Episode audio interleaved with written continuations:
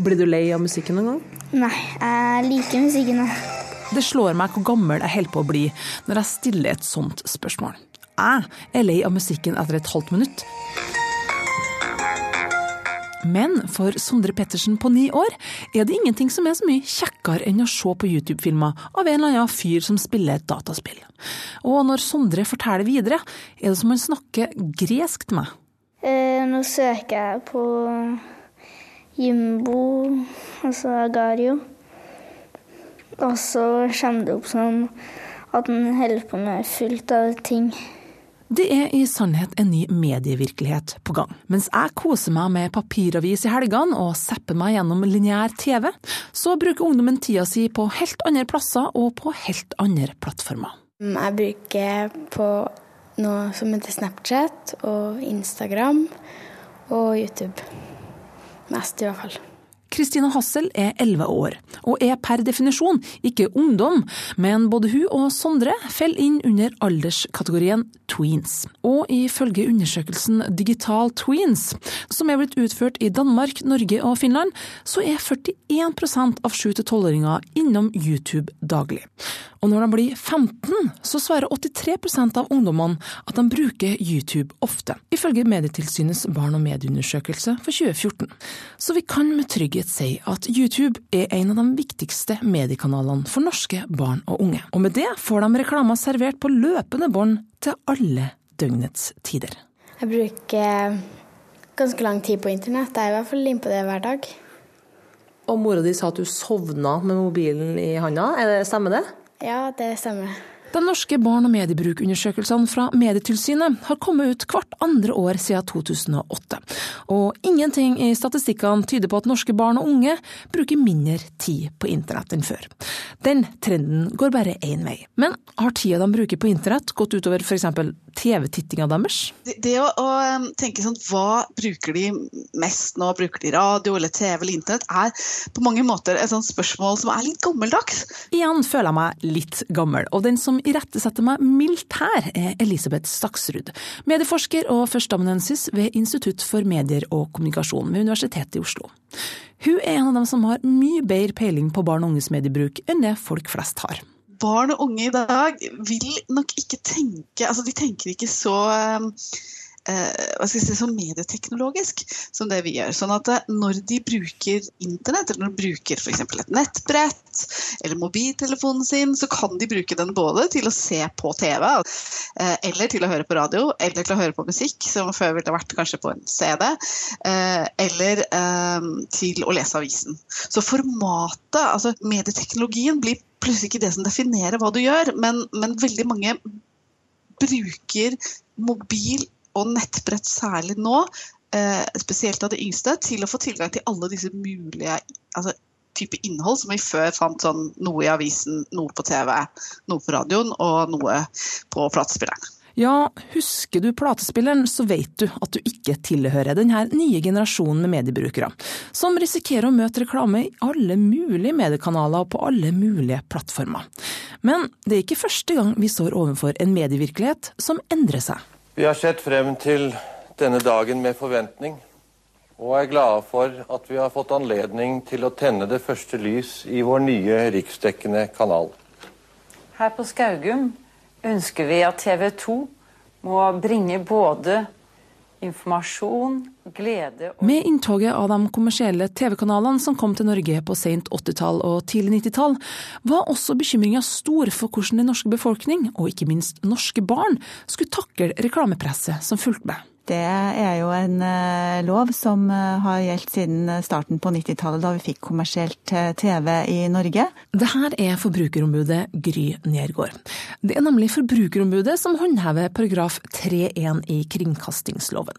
Det kan ikke sendes reklameinnslag i tilknytning til barneprogram, eller reklameinnslag som særlig er rettet mot barn i kringkasting eller audiovisuelle bestillingstjenester. Det var en stor etisk debatt egentlig som ble tatt den gangen, og hvor man tok det valget at vi ville beskytte mindreårige mot det mest aggressive reklamen. Og på den tida så var TV-reklamen det mest aggressive vi kunne tenke oss.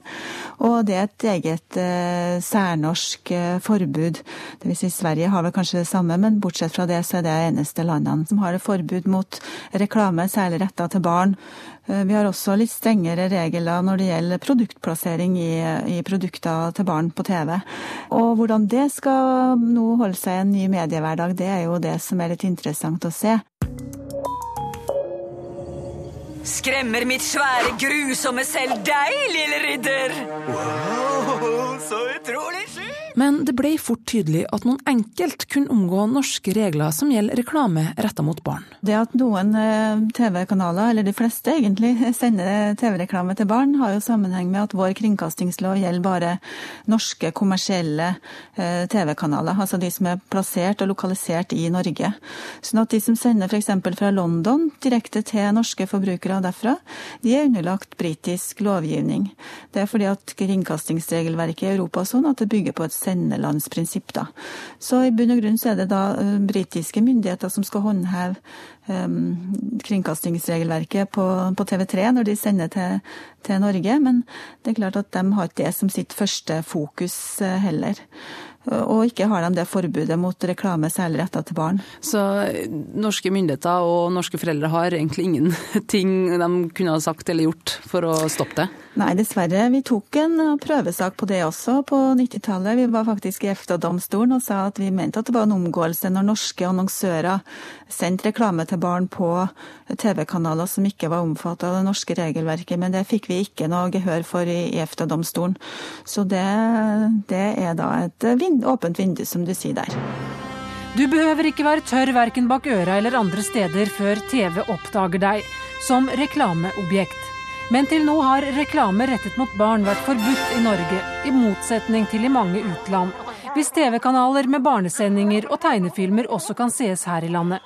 Og akkurat det siste gjør at Høyre helst vil oppheve hele forbudet mot barnereklame. I dag så har norske barn et Spørsmålet har blitt stilt før, som vi hørte i dette nyhetsklippet. Men i en mediehverdag der småbarn ser på YouTube fra ettårsalderen, og større barn ser mer på YouTube enn de ser på TV, så må man jo spørre seg om kanskje det snart 15 år gamle forbudet mot reklame mot barn er en anelse utdatert. Men forbrukerombud Gry har et våpen mot utfordringene som denne jungelen av nye mediekanaler byr på. Den markedsføringsloven, da, som er den hovedloven på reklame i Norge, og som for så vidt er den samme som hele Europa har, den er så genial at den er jo medienøytral. Den gjelder jo for også nye kanaler. sånn at man også der har det forbudet mot direkte kjøpsoppfordringer til barn, og de her generelle aktsomhetsreglene og forbudet mot skjult reklame osv. Så, da er det egentlig bare å ta for seg de nye kanalene og mediene som kommer, og legge loven ved siden av og se hvordan skal vi få anvendt de reglene på de nye kanalene. Hvordan håndhever dere da? Da kommersiell TV var nytt i Norge på starten av 90-tallet, så satt vi faktisk og så gjennom alle TV-reklamene som eh, var. Eh, og da brukte vi veldig mye tid på det, og fikk satt eh, noen standarder. De har jo blitt godt opplært og tar det her på alvor, så der ser vi nok at de håndhever det her veldig godt selv, da. Men så dukker det opp nye flater etter hvert, og vi har jo da tatt for oss de nye kanalene som har kommet etter hvert for å prøve å få oppdratt de som driver på med reklame innenfor de kanalene til å gjøre det på riktig måte, sånn at vi skal uh, få det best mulig, og sånn at vi også skal slippe å springe etter og håndheve det her uh, hele tida. Så det vi har jobba mye med de siste årene, er f.eks. reklame på blogg og reklame i andre sosiale medier, hvor vi har sett at, at det har vært behov for en opplæring. Eh, der ser vi jo at det er veldig mange mindreårige, og særlig jenter, som følger en del veldig populære bloggere. Så det at vi har jobba mye med det å få fram tydelig når det er reklame på, på de her bloggene, det har vært veldig viktig arbeid for oss. Og det ser vi jo nå at reklamebransjen, nei, bloggbransjen endelig har tatt inn over seg selv også, og jeg har et veldig fokus på det internt i bransjen. Det samme på Instagram. Der skal vi, har vi jobba for at det skal stå sånn hashtag reklame hvis den som har, eh, har lagt ut bildet, har fått betalt for å, for å legge det ut. Det er et helt uh, generelt prinsipp som, uh, som um, er veldig viktig for alle forbrukere, men spesielt uh, overfor barn og unge også, som kanskje ikke har den erfaringa at de skal, skal så lett se etter om det er reklame eller ikke. Men på Instagram, hva, nei på YouTube, hva ser du på der? Jeg ser ganske mye på matprogrammer. Så ja, det er folk som lager desserter og forskjellige ting. Hun her, som heter Rosanna Pansino, hun er sånn som lager desserter. Mm. Skal vi se? Mm, ja, det får vi vel. Hey guys, it's Ro. Welcome to another Nerdy Nummies. Today we are going to be making something panda themed. I got so many requests to make Men har du merka at nå, kanskje du har fått ekstra mye sånn bakereklame eller matreklame siden du ser på så mye sånn kokekanaler? Nei, det kommer all slags reklame. Okay, så de skal liksom lage en, en overraskelseskake som jeg ikke vet hvordan de smaker. Mm. Men eh, de her er jo kanskje tolv, tror du ikke? Jo, jeg tror det. Ja. Og har de noe reklame inni selve programmet sitt, f.eks.? Mm, nei, det har de ikke. Nei, Så det er reklame i forkant og eventuelt i etterkant, da? Ja. Det er bare introen, ikke sant? Nei, han spiller nå. Han spiller nå? Ja. Ok.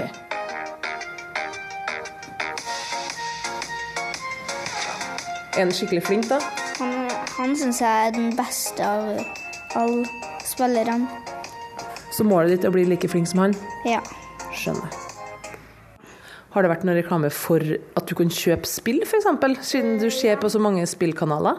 Ja, sånn PC-er og sånn. Mm. Og da får du litt, litt lyst på å kjøpe det? Ja.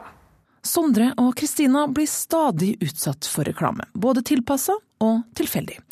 Men YouTube er altfor stort til at et stakkars norsk forbrukerombud kan passe på lovlydigheter til alt som skjer der inne. Men ett område kan Gry Nergård ha et visst tilsyn med. For det vi ser er jo at Norge har jo heldigvis et eh, næringsliv som er opptatt av å følge reglene og gjøre ting på riktig måte. Så når vi først da får forklart dem hvordan reglene er, så vil de aller, aller fleste eh, innrette seg lojalt etter det. For det viser seg at Gry, uka før dette intervjuet med meg, var i snakk med Nordic Screens. Et selskap som jeg allerede hadde vært i kontakt med for å gjøre et intervju til dette programmet. De er nemlig Norges første nettverk for norske youtubere, der de samler, promoterer og kommersialiserer YouTube-talenter, samtidig som de selger såkalte reklameslots på her kanalene. Eller som de skriver på sine nettsider, koble det med merkevarenes behov for å nå frem til de unge gruppene. Hva legger dere i det, og hva er deres definisjon av de her unge gruppene? Nettverket vårt består av relativt unge brukere, hvis du sammenligner ikke minst med NRK, men også hvis du for så vidt sammenligner med en kanal som TV 2. Det her er Nils Ketil Andresen, daglig leder og en av dem som starta opp Nordic Screens i 2014, etter at han i mange år hadde jobba som både kanal- og programdirektør i nettopp TV 2 hvor du ser at den største gruppen for oss ligger mellom 15 og 25 til 30 år, og spesielt da liksom mellom 18 og 25. Hvis du går inn og ser på statistikkene der, så er jo de på vei bort fra lineær-TV og over på digitale plattformer. Annonsørene ønsker jo da også treffe disse gruppene. Du fyrer veldig for kråkene eh, hvis du ønsker å treffe en, mål, eh, en, ung målgruppe, hvis du da går på en tradisjonell TV-kanal. Eh, I motsetning til de store, brede mediene, sant, så har du mye mer dedikerte målgrupper eh, på YouTube-kanalene. Hvis du ønsker å treffe folk med spesielle interesseområder, hvis du ønsker å treffe noen som eh, har interesse for gaming, så er det klart at da kan du treffe de klokkerent på YouTube. Det gjør du ikke på tradisjonell TV. Hva tenker du om det her veldig tilpassa reklamepresset som møter barn og unge på nettet? Nei, eh, jeg tenker at vi må være vi må eh, være vårt ansvarsbevisst. Nå er det jo sånn at tradisjonelt TV-reklame også, selv om, eh, selv om, eh, det ikke er lov å kjøre reklame mot barne-TV på de kommersielle kanalene, så er det jo sånn at eh, det å eksponere unge målgrupper mot tradisjonell reklame eller reklame er jo ikke noe nytt. Men det som er viktig, er jo da selvfølgelig at man merker det ordentlig. eh, At man eh, sånn at reklame direkte rettet mot små barn med kjøpsoppfordring osv. Så sånn, sånne ting kan vi jo selvfølgelig ikke gjøre. Man kan nesten høre at Nils Ketil har vært i opplæringsmøte med forbrukerombud Nergård. Et møte som for øvrig Nordic Screens sjøl tok initiativ til. Men hva fant de ut på dette møtet? Vi fant ut at uh, man skal ha en løpende dialog, og også for så vidt eh, snakke kanskje videre med også Medietilsynet. Og, og at vi for så vidt sa at vi ønsker å merke på en riktig måte. Hva gjelder produktplassering i dag, så er det jo ganske klare regler for hvordan det skal gjøres. Eh, og det er jo ikke å stikke under en stol at til en viss grad så for en del enkeltstående kanaler eh, som har fungert på YouTube, så er det jo ikke nødvendigvis fulgt, fulgt alle regler så, eh, langt. Men at eh, vi ønsker å ta tak i dette. eh, Og en del av vår jobb er å profesjonalisere også dette annonsemarkedet. Ikke minst for annonsørene å vite at Annonserer du på YouTube, så gjør du dette her i riktig rett, ifølge de riktige retningslinjer, og at man ikke i etterkant sitter og har masse problemer i forhold til regler på hvordan dette skal gjøres. da.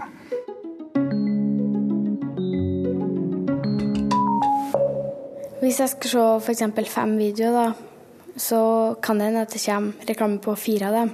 Ja, det dukker opp reklame som er veldig plagsomt. Hvor ofte dukker det opp reklame, egentlig? Nesten hele tida. Eh, jeg trenger bare å skippe reklamen, da. Heldigvis kan man skippe reklamen etter fem sekunder, og ungene er ikke gamle før de lærer seg det. Men hva med de fem sekundene som de må vente seg gjennom? Hva får de se da? Jeg går inn på YouTube og søker opp tegnefilm på norsk, og får opp mange alternativ. Men jeg skal ikke gjennom mange filmer før jeg får opp en reklamefilm. Før Snipp og snapp er det reklame for TV-serier som Game of Thrones og Vikings. Ikke spesielt barnevennlige TV-serier.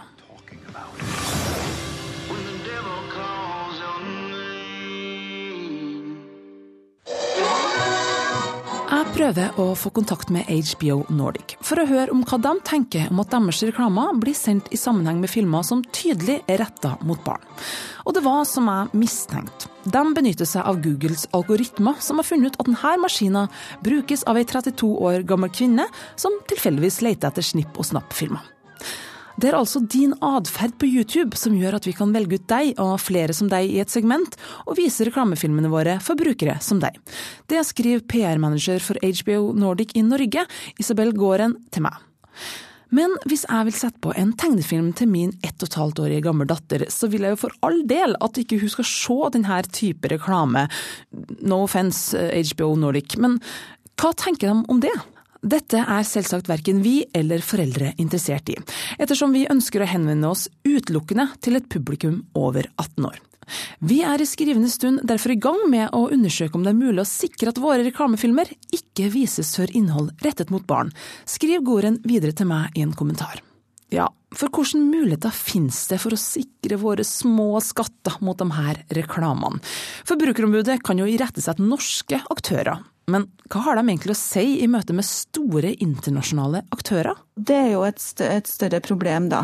Når at det er store mediekonsern som eh, har eh, hele Europa, kanskje hele verden, som, som sitt nedslagsfelt, så er vi jo veldig avhengig av å ha et internasjonalt samarbeid for å få uh, endra på ting som vi ser er feil der. Det er jo samme lovgivninga som skal brukes på de, det er bare å få for, forklart hvordan skal det brukes, og det at noen tar tak i å snakke med de her på et internasjonalt nivå. Vi har vært i førersetet når det gjelder Facebook, og det er andre land som er i førersetet når det gjelder å snakke med andre eh, kanaler. Da. Men det er lange, tunge prosesser, så klart. fordi det er ikke bare europeisk lovgivning de skal forholde seg til, det er også lovgivning i USA, hvor de fleste av her kanalene er etablert. Så det kan være tunge prosesser å få, få gjort ting med det. Men ikke umulig. Jeg syns de er litt plagsomme, fordi når jeg skal liksom se på det programmet, så kommer det plutselig opp reklame. Hvor sunn er egentlig oppdrettslaksen? På tide å møte resten av gjengen. Justice League. show people how rock and roll is supposed to make you feel. Prøv nyheten. Toro grove rundstykker. Det kan være matreklamer eller bygge... Eller ja, butikker. Ja, klesbutikker. Forskjellig reklame.